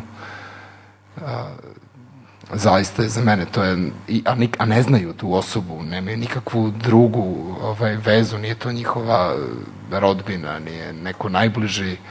A, ja zaista divim takvim ljudima, u ovom slučaju Sofiji koja je meni pomogla, ali ima na hiljade takvih ljudi širom sveta i ja im zaista skidam kapu i volio bi da ja mogu da budem takav čovek ili da nešto učinim u životu toliko vredno kao što je u ovom slučaju on učinila. E, to je onaj trenutak u lečenju ili neki trenuci u lečenju kada se dešavaju ta mala čuda, ne u onom smislu nekih nadprirodnih stvari, nego kada se iznenadimo ljudskom toplinom, dobrotom ili pažnjom. Vrlo me zanima kako je izgledalo u, u, u tvom, na tvom poslu, kako su reagovali na tu činjenicu kada si rekao na tu rečenicu, e, ja sutra više ne dolazim na posao. Da si imao podršku tamo?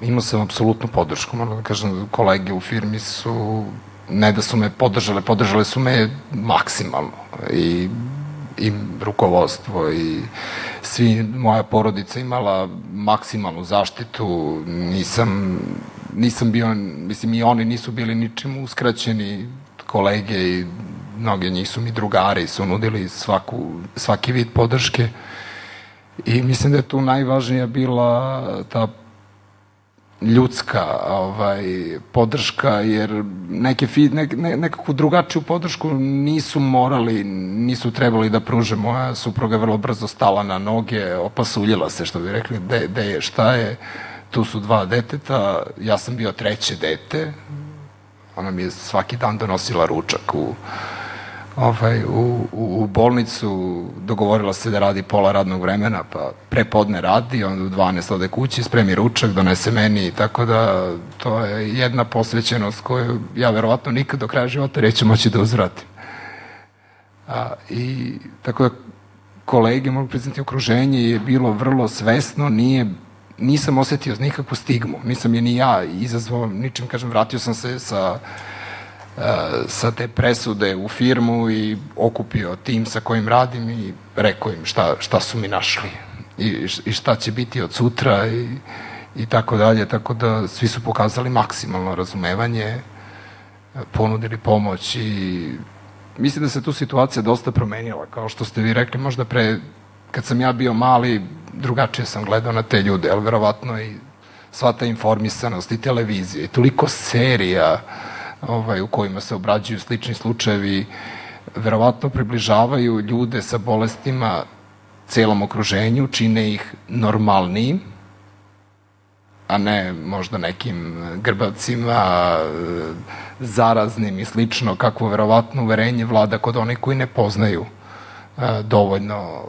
kakve su to bolesti, o čemu se radi, da li su zaista zarazne, nisu, kako utiču na normalan život i slično. E, Evo, Gorice, da li si imala podršku sa neočekivanih strana, šta je bilo za tebe? Misli, ko, da li si... Što se tebe tiče, to je očekivano. Mene preskoči, da. Da, ali ja sam imala drugi problem. Ja sam morala da tešim polovinu familije da mi nije ništa. I da to što sad ja imam, što uzimam insulin, da je to rutinska stvar, da to ništa ne boli. Pa kažem, ljudi, nema ni krvi. Pa Znači, naročito stariji u mojoj familiji, to je ono, jao, jao, pa kako to? Pa kogotovo sad, sudbina je takva. Mislim, to su neverovatna zapomaganja da mi bilo loše da slušam to u, u, u slušalici telefonskoj. Onda sam morala njih da tešim i ubeđujem da zapravo ja ću najnormalnije da živim, to jest da se ja sad osjećam mnogo bolje, ma samo ovi otoci da mi spadnu sa nogu, ja ću da trčim kao koza. Eto, to se ima, ponavljam, tako da ovaj, imamo i obrnuto da bolesnik, pacijent zapravo mora da teši i da bude podrška familiji. Tako da, eto. Za starije se apsolutno slažem. Ja, kad sam govorio o suočavanju, da... možda najteže su se sa, sa mojoj situacijom suočili moji roditelji. Verovatno isto iz dosta iz tog neznanja, iz tih strahova koje imaju. Pa to je kao sad menjati se život. Kaže, ti se bodeš svaki dan. Ja kažem, bodem se. Četiri puta se bodem, ali to više nije ko u balkanskom špijonu u venu, nego to su tako, to je tako napredovalo ljudi To je stvarno, ne mogu kažem, fenomenalno. Ja sam presrećna. Ali jesam, ako već moram da uzimam insulin, ja sam presrećna. To su tanke, male iglice, to se nositi ništa. To samo čvrknete ovako. Inače imam fobiju od igle, od krvi, od svega. Ceo život. Sad, Pitajte Dragana kako... Sad se bode i nakon, e, na kraju e, večeri, zainteresovanima možeš da izmiriš šećer, pošto sad, mislim da je izmirila... Nisam ponela. Da, nis, nemaš, Nisam nemaš tračice. Pošto, pošto sad, sam merila ono, pre nego što sam pošla, pa ko veli majka. Čim počne razgovor u našem okruženju i kaže, dođe ti izmerim šećer i sad Gorica nam je to... E, kažu kako sam stroga. Jeste, jeste, da. I onda ljudi se plaše, bio tamo neki naš kolega, nešto pecka ga jezik, hipohondrija neviđena. Ja kažem, daj da ti kao da nije šećer. A, pa rekao, imam ja merač, dođi. On ovako počne da ti resi, ja ne znam, ne znam. Ma da, rekao. I ja čvrknem mu tamo, to sve izmerimo, četiri i po. On, sreće njegove, taj osmeh. Posle toga, kaže... Jedva sam mu išedila kaplicu, uplašio se, pa mu se povukla ovaj, krv iz ovih perifernih ovaj, krvni sud. Baš je bilo onako da se nađe kaplica. Iz drugog ili trećeg puta je ovaj, uspelo, je li tako? A, da, njemu se razlila krv. On nešto... Uplašio se. Da. da. O, e, Tamara, sad kad smo govorili o toj stigmatizaciji, to da li postoji e, neki sad neka, nekakva izlazna terapija, kada ljudi dođu pred kraj lečenja, oni sad nekako treba da se vrate u svoj život pre lečenja. I sad to malo izgleda kao kad ovi iz reality programa izađu nazad u svoje živote pa ne znaju šta im se dešava. Ovo je jedan ringišpil koji vas je provrteo uh, i kod Gorici, kod Dobreva, nekoliko meseci nekog stanja koje ne možemo nazvati, ne, to je nekako varno stanje, u na, prošlo je po, pored nas, uspelo je i sad se treba vratiti na taj posao među kolege i u porodicu i ovaj, da li tu takođe treba nekako pripremiti ljude. Da, to je jedna od takođe kriznih tačaka. Jel? Kako izaći sad iz ovog jednog sistema u kojem ste bili sigurni, imali neke svoje oslonce i neku svoju važnu podršku i sad odjednom izlazite iz tog sistema, ajde da pretpostavimo da izlazite izlečeni. Mada vam to nikad ni jedan lekar neće reći, zaista, to ste dobro primetili. Često su pacijenti kad su dolazili na kontrole pitali izađu ljuti sa kontrole i kažu zašto mi onkolog nikad ne kaže zdrav si sada, potpuno si dobro, to bi mi mnogo značilo. Ne, ne mogu to nikada da kažu, bilo bi vrlo neozbiljno, ja, mada je ohrabrujuće za pacijente i vole to da čuje. Dakle, idemo od pretpostavke da je sve dobro i da e, prosto e, se negde bolest povukla, da je pod kontrolom i tako dalje. I tu sad sledi novo suočavanje, jel? ne može nikada život da bude isti kao pre vrlo teško i često sam to govorila ovaj, pacijentima kada dođu da se pozdrave i kada odlaze i tako dalje, da negde i ne teže ka tome, da to nije mnogo ni racionalno, da su se oni promenili verovatno okruženje i da sad je to negde neka nova adaptacija, novi oni, nekako ista sredina i tako dalje. Često se dešava da kada dođu na prvu ili drugu, drugu kontrolu, dođu ili dođu na neki kontrolni pregled i kažu, znate, bili ste u pravu, a, imam utisak kao da smo nekako prerasli vršnjake ako su tinejdžeri ili mladi ljudi u pitanju. Kao nekako su nam sve te teme o kojima oni govore i razgovaraju banalne i nama nezanimljive, jer mi smo prošli kroz jedno životno iskustvo, negde ojačali, porasli, očvasli, suočili se sa vrlo ozbiljnim životnim pitanjima sa kojima se ne bi suočili da im zdravlje nije bilo toliko ugroženo i da to nije pokrenulo brojne one duboke egzistencijalne strahove, a znamo koji je osnovni. Ja? Strah od bola, propadanja i smrti Tako da e, su nekako sad jel, ovaj, dovoljno, mi to u psihologiji zovemo rezilijentni, malo rogobatna reč, ali čvrsti, jel, nekako dovoljno sa nekim životnim iskustvom koji ih je produbilo i učinilo nekako njihov sistem vrednosti drugačijim, jel, nekako su se promenili kao ljudi. i sada se treba prilagoditi. Jer sad ide nova faza prilagođavanja, kako ćemo kad su sve ove priče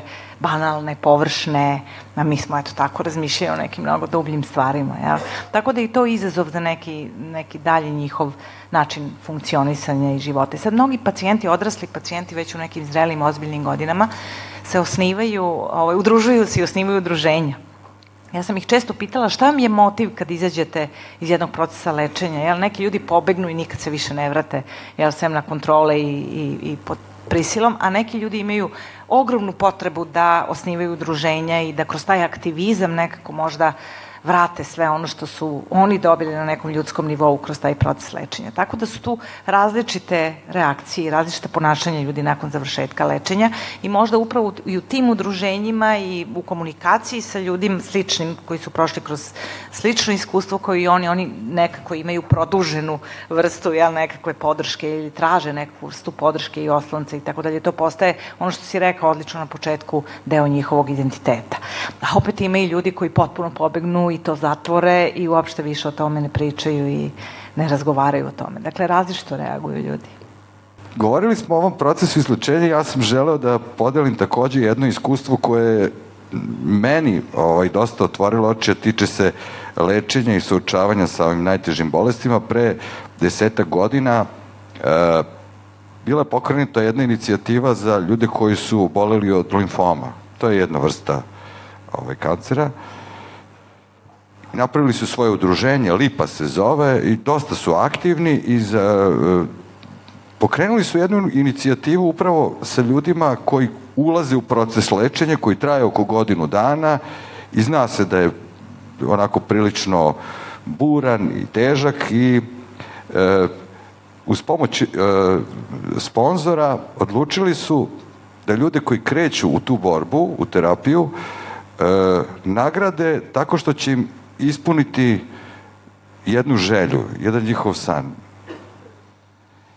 Ja sam gledao te, te poruke koje su ljudi pisali i njihove planove i snove i zaključio sam ono što verovatno možete i sami da pogodite, da su to bile jednostavne svakodnevne stvari koje su oni sebi stavili kao neki cilj kao ove knjige koje si čitao za neko buduće vreme. I među tih deset uh, onih kojima je taj san ispunjen, jer znate kako ipak živimo u realnom svetu, budžet nije, nemamo baš rog izobilja, jedna mama je želela da sredi dečiju sobu za svoju bebu koju je dobila neposredno uh, pre nego što je saznala za dijagnozu Jedna gospođa je želela da sredi baštu na svojoj vikendici na Fruškoj gori, pa sam video kako je to izgledalo. Jedna od e, devojaka je želela da dobije novac da kupi računar i opremu da pokrene to društvo e, i proširi njegovu delatnost na internet. Jedan mladi inženjer je hteo da napravi robota, pa smo mu nabavili robota na sklapanje i uspeo da ga sklopi. Jedan mladi par je otišao u Veneciju na bračno putovanje na koje nisu mogli da odu zato što je počelo lečenje. I kada ste sabrali sve te želje, to su bile jednostavne male stvari koje su njima nekako bile cilj koji žele da ispune nakon tih godinu dana. I te nagrade smo im dodelili ispod statue Beogradskog pobednika i to je bila jedna od naj dubljih trenutaka koje sam proživeo u životu kada sam i upoznao te ljude i kada, kada se desilo da su o, da su neki taj svoj san uspeli da ispune. I shvatio sam da je možda i najveće o, tajna lečenja upravo što ste govorili da je važno da možete da vidite sebe i u budućnosti i kako će taj vaš o, život izgledati. I da li su Da li ljudi ponovo otkrivaju te male svakodnevne stvari koje su najvažnije u životu kada smo govorili o lečenju, suočavanju ili onda pobedi nad bolešću? Naravno, pa evo i ovaj primer ovaj, koji si naveo govori o tome, baš je dirljivo zaista. jeste, otkrivaju neke jednostavne stvari i shvataju koliko je život lep u svojoj jednostavnosti i koliko su sve te male, sitne stvari, sitni snovi, uslovno govoreći sitni, lični negde, jel? Ovaj, važni i koliko nekako čine život smislenijim i nekako šalju jednu poruku da ima smisla boriti se i da vredi boriti se i da prosto nekako je život možda i sada i ovde, jel? Nekako i ta projekcija u nekoj dalekoj budućnosti nije baš nešto što je realno o tome istočnjaci uče i svi ovi savremeni rep terapeuti da negde ne idemo u veliku projekciju budućnosti jer je naš život sada i ovde. Dakle, svaki naš trenutak koji živimo u ovom nekom sadašnjem momentu, ovaj dan, je negde život mali sam po sebi. Jel? A ovo što si, što si ovaj, ispričao za ovaj primjer je mene podsjetilo na decu i mlade ljude sa onkologije koji su imali neke jako male i jednostavne snove, tipa kad možemo ponovo da jedemo sladoled jer im je nešto ishrana prilično promenjena i onda kada dobiju sladoled posle završenog lečenja to je onako potpuno otkriće, jel? Tako jedna mala, obična jednostavna stvar ili da vozimo biciklo ili ne znam da idemo u vrtić ponovo jer su dugo u izolaciji po nekoliko godina zbog loše krvne slike od hemoterapije, tako da svako negde kretanje u grupu jel, vršnjaka i tako dalje je veliko otkrovenje za njih, veliki događaj. Jel. I slično ovaj, kako, kako, kako se deca raduju, tako nekim na jedan običan, onako vrlo iskren i autentin, autentičan način, tako se i odrasli ljudi kad prođu kroz ovu jednu oluju, jel, koji prilično, ovaj, što, što kaže jedan pacijent, vrlo je onako, ja klijent, jel, kako god, ovaj, vrlo je to slikovito rekao kad je došao, znate, moja tvrđava, moja ličnost je sad srušena, pomozite mi da ponovo nekako izgradim nešto, jel? Moramo da vidimo i kakvi su temelji da bismo gradili dalje, naravno, ali posle te oluje koja je porušila negde ima smisle i upravo, se, upravo je tu, tu si dotakao tu promenu gde se neka, nekako smisao menji. Nema velikih megalomanskih ciljeva i očekivanja, nego su negde ciljevi mali, jednostavni, prizemni, čovek nalazi zadovoljstvo i radost i sreću u nekim malim stvarima. Da, je li tako bilo dobro? Pa, ako se sad osvrnem i kažem šta mi je ovo iskustvo oduzelo, oduzelo mi je e, neko planiranje na duše. Znači sad se nešto ne usuđujem da planiram dve, tri godine unapred ili m, da razmišljam o takvim stvarima, jer jednostavno on kaže sve, svašta može da se desi i vraća se posle tog oporavka i ostalog, vraća se neki strah da opet sutra može da bude dan u kome će vam neko na nekom rutinskom ili kako god pregledu reći ono što se već jednom desilo, zato što nemate nikakvog objašnjenja, nemate ni, ništa, ničim ne možete da povežete, tako da posle svog tog usićenja da je nešto prošlo, da je bolje, da se vraćamo normalnom životu, opet počinje polako da se, barem u mom slučaju, podsvesno, kroz snove, kroz nešto, vraća se taj strah da kao što je bio dan pre četiri godine može da se ponovi. A, I mi, rekao bih da neko vreme evo, reću za sebe, samo postajemo pametniji, okrećemo se kraćim stvar, tim nekim e, no, normalnim stvarima, uviđamo stvari koje možda do tada nismo dobro, dobro gledali, ali kako uđemo u kolotečinu, opet se zaglupimo, barem ja shvatam da koliko god nekih dobrih saveta sam sebi mogao da dam tokom lečenja i ponašat ću se drugačije, radit ću nešto pametnije, bit će bolje, kako god život krene normalno, onda se ponašam čini mi se isto kao i nekad pre i kažem sebi jednako si glup kao što si bio ili nisi ništa naučio. Nije baš tako, ali možda je to s druge strane i, i normalno možda u stvari vraćanje u normalan život neki vid uh, ozdravljenja ili vraćanje normali. Gledam i sa te strane, iako možda ne deluje mnogo pametno. Uh, Gorice, šta si ti otkrila od tih malih životnih zadovoljstava nakon o, bolesti? Pa ja inače već dugi niz godina uživam u tim malim životnim zadovoljstvima. O, mislim, to ima tome pa više od 10 godina, pošto sam ovaj, 20 godina sama sa detetom, onda moram njemu nekako da naslikam svet po kome će onda hoda. Ne da mu ga ja predočim, da mu kažem kojim putem se hoda, ali prosto imala sam obavezu više da pričam, više nego što bi pričala da, ovaj, da, živim, da smo živjeli u porodici gde su i otac i majka tu. Tako da ovaj, u Srbiji kad živite nikad nemate dovoljno. Ni para, ni energije, ni planova, to je planova ima, ali ne znate da li mogu da se realizuju. Tako da ja zaista uživam u malim stvarima, u tome kako mi rastu biljke, u tome kako mi je lepo svetlo, kad kupim jeftine zavese za 10 evra pa ih postavim, pa mogu da menjam na sva četiri godišnje doba, imam nove zavese. Mislim, to su sad neke stvari koje možda zvuče nekima kao bez veze. Nije, mene to raduje. Kao da sam uradila nešto specijalno u, u sobi i tako dalje. Raduje me i lepe knjige koje brzo pročitamo da nisam svesna toga da sam pročitala recimo za dan i po jednu knjigu i tako dalje i tako dalje. Ali a, ono što svako od nas radi to je recimo najvešću primjer kad čistimo kuću pravimo veliko spremanje, pa se umorimo. Kažem, ja ne mogu tamo ono ćoše, to jednako niko ne vidi, to ću drugi put. E, ja sad sve ćoškove brišem i u jednoj ćoše sam stavila lampu, ovo sve figurativno govorim, gde je non stop uključeno svetlo. Znači, nema mraka, to ne znači da sam paranoična, daleko od toga. Ali to samo znači da i sebe i ono oko sebe treba da se gledamo u celini. Ako postoji ćoša koje je mračno, onda da ne zaboravimo da je mračno i da kad tad mora da se osvetli. Tako da uh, slušam znake koje mi daje sobstveni organizam kad sam umorna, sednem pa se odmorim. I nekada sam išla i radila do granice izdržljivosti, već godinama, a pogotovo sada, do granice prijatnosti. Eto, to su te male.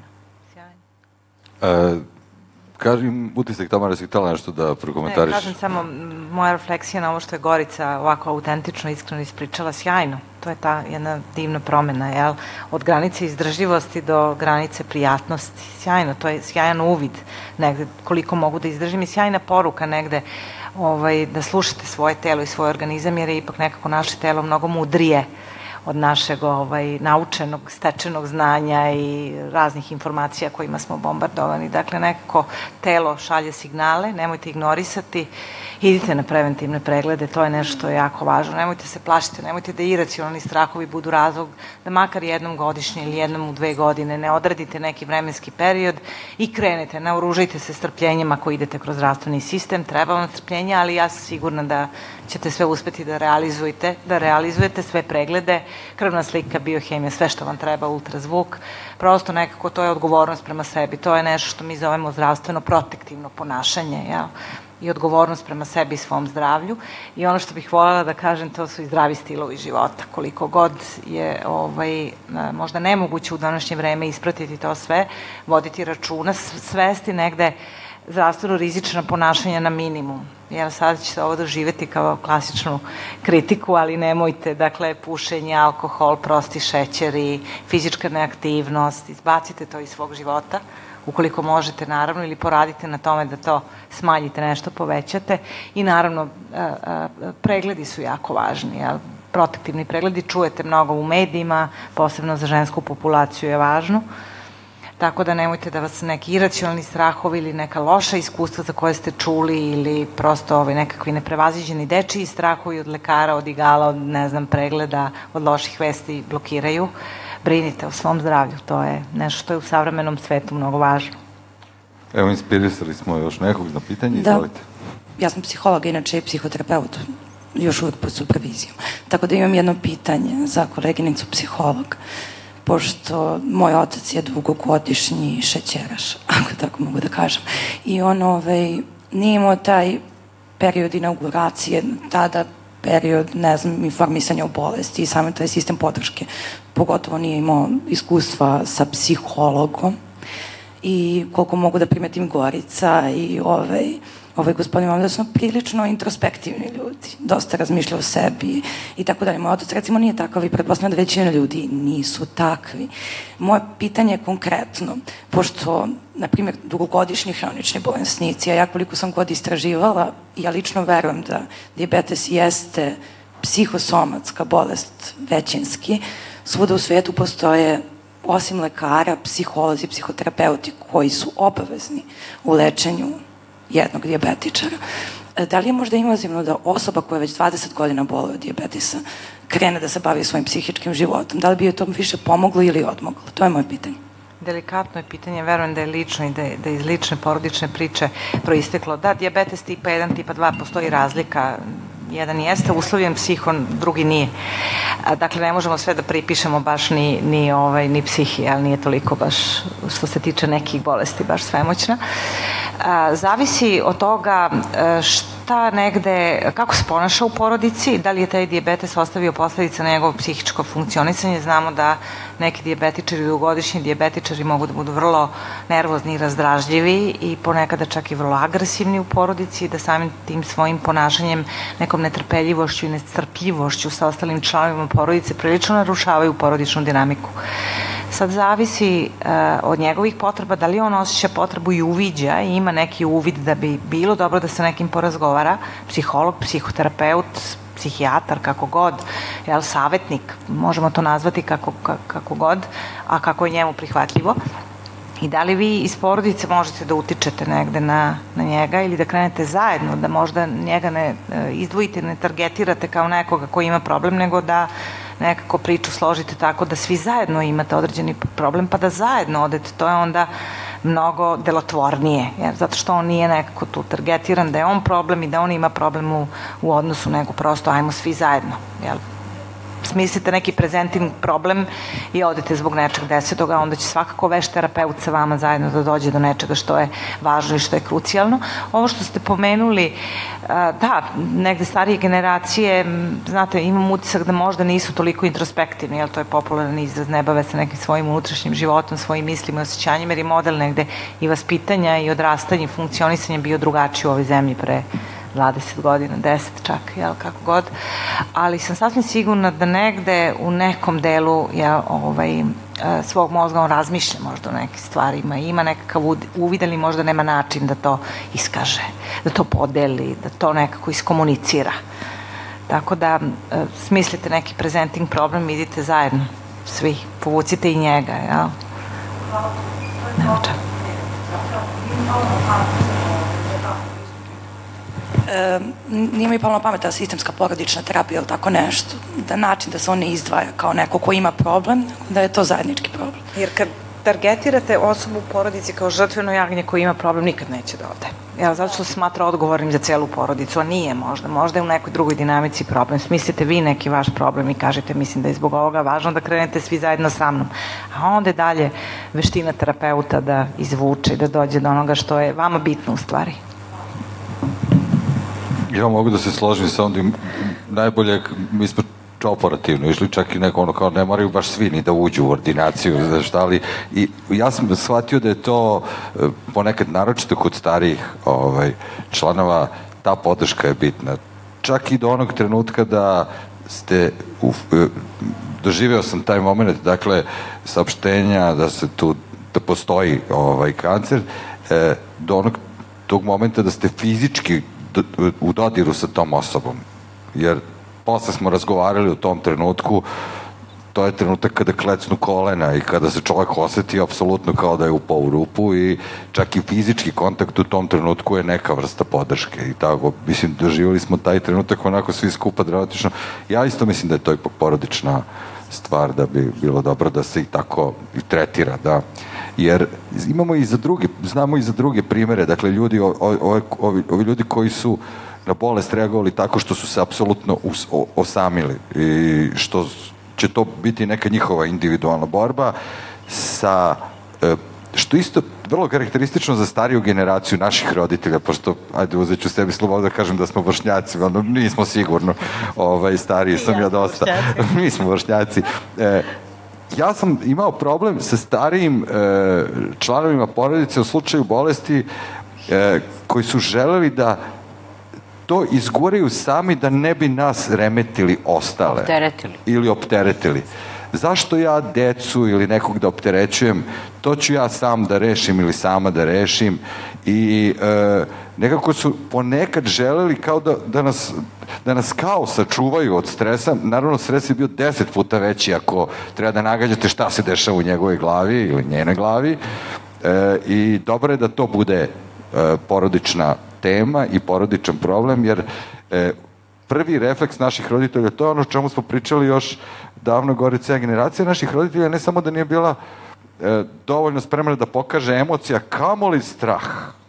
O tome smo govorili, gotovo. Sećaš se da... Kako ne? Ne da nas nisu niho, nego kao nemojte puno da, da prema, prema deci emocija, to je kao... Loše, razmazit će ti. Razmazit ćemo ih.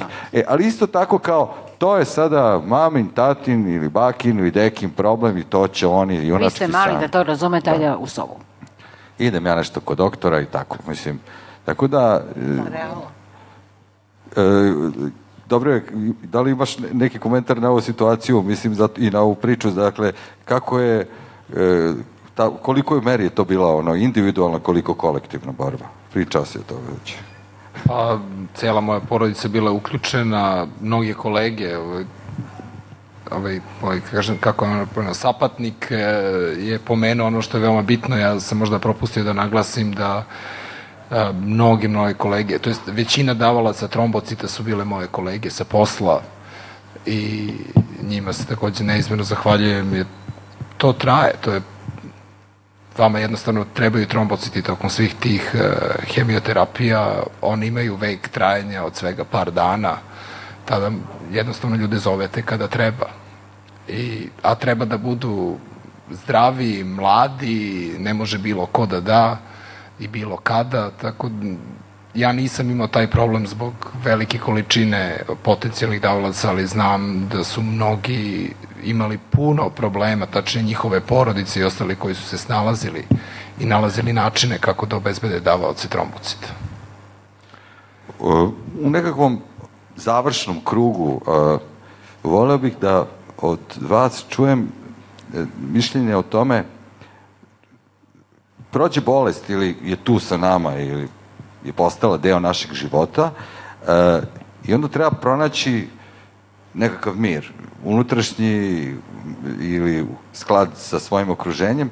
To je dosta teško u vremenu u kom živimo, u vremenu tranzicije, u vremenu ekonomske krize, u vremenu kada, kako reče Gorica, ne možemo ni mi, ovaj, kad mislimo da smo zdravi, da planiramo nešto mnogo u budućnosti, jer dosta je neizvesnosti i onda e, kada pobedite bolest i smatrate da ste pobedili jednu strašnu stvar u kojoj vam je onako glava bila u pitanju, e, treba da pronađete taj mir kao i potrebu da se ta bolest ne vrati između ostalog kada smo promenili stil života.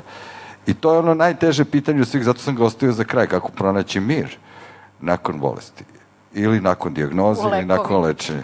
Da li su to lekovi, da li odmah da kažem, postoji i onaj način e, e, mira koji predstavlja neka vrsta samoizolacije. Znam primere ljudi koji su pobedili bolest, a zatim se zatvorili u kuću kao da će time nekako na nekom mističnom načinu mišljenja sprečiti da ona sad uđe na vrata i da će narednih 20 ili 30 godina živeti u karantinu nekakvom e, o, kako kažem, kvalitet tog života nije baš bio uvek naročito o, dobar. Iako je taj mir postojao, taj mir je mir samoizolacije, rekao bih. Kako pomiriti te stvari, kako pronaći, da mi znam da je to ovaj, pitanje za svakog individualno, ali da li postoji e, Tamara nekakav savjet? Pa, subjektivni doživljaj mira jel, su različiti od pojedinca do pojedinca i ono što je za mene mir ne znači možda da je za tebe ili za nekog desetog ili za Goricu ili za vas. A, ono što bi možda moglo da bude nekakav ovaj, opšti e, savet jeste da svako nađe neku svoju e, ličnu e, definiciju mira. Šta je za mene mir, šta mi donosi mir, a to onda znači šta mi prija, koje su moje potrebe, šta je ono što zaista mene ispunjava, što me inspiriše, što me negde prosto čini mirnim. Jel? I ljudi će, evo sad kad bismo krenuli ovde jednu malu anketu, ljudi bi rekli neke možda slične stvari, priroda ili životinje ili druženje sa ljudima, neko bi rekao izolacija knjiga, neko bi rekao film, neko bi rekao, ne znam, dobar provod ili šta god, jel? Dakle, različiti doživljaj mira. A ono što mi terapeuti savjetujemo uvek u, u, ovaj, u seansama naše klijente jeste da zaista sami se potrude da pronađu šta je to što je za vas mir, šta donosi mir, jel? šta prosto negde vas ispunjava do tog nivoa da zaista osjećate da, da vam je dobro da mi je dobro uprkos tranziciji i vremenu, jer ovo je jedino vreme koje mi živimo, ovo je naš život, mogo je da bude i pre dva veka, mogo je da bude i unapred 200 godina, nije, u ovom je trenutku i nekako osvešćujemo zajedno sa klijentima da potraže ono što je u ovom životu za njih dobro, realno, šta je to što njima donosi zadovoljstvo, a da nisu lekovi, da nije anestetik, alkohol, da nisu lake droge, teške droge, šta god. Da li može u ta potraga za mirom da počne e, definisanjem onoga što nam, što nam stvara nemir ili ono što smo shvatili da je možda u našem životu bilo Naravno. ovaj, više, da, po, da počnemo od onoga što nećemo, ako već ne, nismo još otkrili šta Naravno, hoćemo. kako ko, neko krene i od toga šta, šta donosi mir, neko krene od toga šta je nemir. Ali je problem kada je nemir nešto što ne možete da izbegnete, od čega ne možete da pobegnete, što je tu, u porodici, na primer, pa ne možete tako lako fizički da se odvojite od porodice, da odete, ili je bračni partner, ili je dete koje nervira ili sekira, ne možete da odbacite svoje rođe, razumete? Ili posao koji tako, nervira. Ili sekira. posao koji je teško promeniti i naći drugi. Jel? Mada ljudi se zaista ovaj, nekako osmele i ohrabre u kriznim životnim situacijama da i preseku možda neke loše modele koje su imali do tada, modele koji su bili, sad je popularni, vrlo toksični za njih na raznim nivoima. Ali ako baš ne mogu da promene, onda je veština u terapiji da promene svoj odnos prema svemu tome, a to je najteže negdje, to jeste proces, ti sam znaš. Znači, o, i posle bolesti borba se nastavlja. Naravno. Borba za mir, tako bih rekao, da ne zvučim komisica. Dobro je, kako si ti ovaj, se izborio za svoj mir i kako traje, izgleda ta tvoja bitka? Pa, ne znam da li sam se izborio za mir, ja mislim da sada živim sa jednom senkom. Možda se, najbolje da objasnim da uh, na izgled je sve normalno, ali ona je tu negde i postoji i ponekad se pojavi. Da li kroz san, da li kroz uh, neki strah ili paniku u nekim slučajevima kad mi se nešto desi i slično. I ja mislim da od nje neću moći nikada da se otresem. Samo neke tu što duže. To je, eto, to je taj mir, neki ona tu dugo, pa ćemo se rvati. Hvala ti, Goco. Pa ispod mire sto đavola vire, ima to isto. Ja više volim a, ne samo reč, nego prosto osjećaj spokoja. Meni je spokoj nekako najdragoceniji poslednjih godina, da neću da dužim, ali moram samo da navedem kao primer, kad sam se razvodila pre 20 godina, to jest pre nego što sam donala odluku da se razvedem, a, nešto nije bilo u redu, nisam bila srećna i onda sam ja pravila samo i sebi listu prioriteta. To je trajalo nekoliko nedelja. A, dakle, šta je to što ja volim, što se meni sviđa? Na prvom mestu je bila limunada sa medom i džumbir. Znači, potpuno jedna nebitna stvar za bračnu zajednicu. Ali šta je to što mene uveseljava u sreći i tako dalje? Ta lista je bila predugačka, to je bilo jednoj svesci. I onda sam na kraju shvatila da ako sam ja nezadovoljna, nesrećna, uplašena i tako dalje i tako dalje, šta ću ja takva svom detetu i okolini? Znači, moram da uradim nešto za sebe, da obezbedim sebi makar malo više tog nekog lepog ili tih nekih lepih osjećanja. Isto važi i za ovu fazu ja sam sveža, znači još nema tri meseca kako sam izašla iz bolnice i još ću da se oporavljam, imam ja još uvek neke prateće elemente, ali takođe sad pravim nekakve svoje liste prioriteta, šta ću, gde ću, šta me, šta više ne smem, a šta smem, ali da to ne bude grubo, sad ja to ne smem nikad u životu, nego šta je za mene dobro, šta je za mene lekovito, a da nije lek nego da je recimo hrana, ponašanje i tako dalje i tako dalje. U, konkretno kod mene je disciplina najvažnija, ali ne disciplina sa protićem i sa kaži prstom, već jedna organizacija života koja postane rutina i onda imate šećer 4,5, kao kad sam pošla ovde. Ovaj, tako da, a, mislim da je, onda sam spokojna. Kad mi doktorka kaže sve u redu, nju slušam, a ne kilave babice okolo i Ane Ruskinje i sve ostalo, gde nisam išla i Google. Znači, slušam doktorku koju imam poverenja, imam tu Dragana koji me malo bocka, provocira i tako dalje. Ovaj, tako da sam spokojna i uveče kad legnem, znam da sam uradila mnogo toga dobrog za sebe, da ću sutra biti raspoložena, da ću biti sve, kako bih rekla, zdravije i zdravija, a moje dete kad vidi, Gogi, kako si mi danas? Ja kažem, ovako, prođe, vidim da ne brine više kao što je brinuo pre tri meseca kad me on vodao i tako dalje. Tako da, a to nije lažno. Ja se zaista osjećam ovaj, tako kako sam ispričala, tako da težim tom spokoju. Pa da ne kvarimo, e, evo, ja mislim da je ovo pravi trenutak da o, o, privedemo kraju ovo veče. Ja ću još jednom da se zahvalim i ljudima iz Dorču placa, iz Hemofon fondacije i našem voljenom fakultetu i institutu za psihologiju. E, ako smo vam pomogli ili možda bar malo ovaj, inspirisali vas da pronađete sami taj mir čak i u trenucima kada su u pitanju teške bolesti, onda ovo veče imalo Izvini, smisla. mogu ja samo još jednu Kaži, rečenicu? Goco. Izvinjavam se, pošto sam samo i sebi dala zadatak da plašim ljude. Najveći broj amputacija nogu, ekstremiteta, je zbog diabetesa. Najveći broj slepila je zbog diabetesa. U porastu je poslednjih godina, ispitat ćete to na drugi neki način, da ne objašnjavam. Ja sada merite nivo šećera u krvi, molim vas.